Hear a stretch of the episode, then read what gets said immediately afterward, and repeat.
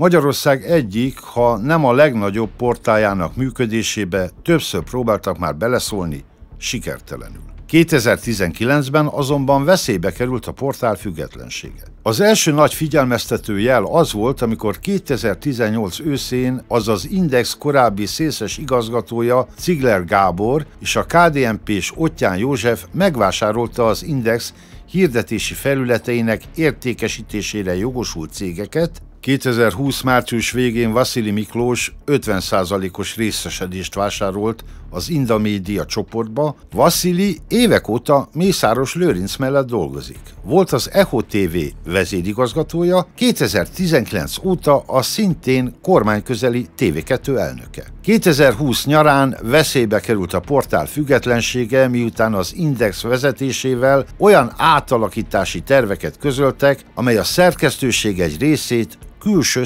cégekbe szervezte volna. A hír bejárta a sajtót, a főszerkesztőt, Dúl Szabolcsot pedig visszahívták az igazgatóságból, mert a tulajdonos képviseletében eljáró Bodolai László szerint ő szivárogtatta ki az információt. Ezután felpörögtek az események. Lemondott Pusztai András vezérigazgatója, helyére Ződi Zsolt jogász nevezték ki, aki egy héttel később szintén beadta a lemondását. Három héttel később Bodolai az Index éléről is kirúgta Dúl Szabolcsot. Ezután több mint 80 munkatárs mondott fel az Indexnél. A történtek miatt július 24-én tüntetést tartottak a portál és a magyar sajtószabadság mellett több ezer részfevővel. Mára szinte teljesen lecserélődött a szerkesztőség. A vezetőségbe került például Balog Ákos Gergely, aki korábban az orbánviktor.hu oldal szerkesztette, vagy az a Fekete Szalóki Zoltán, aki az Országút című kormányzati szándékból és állami támogatások segítségével elindított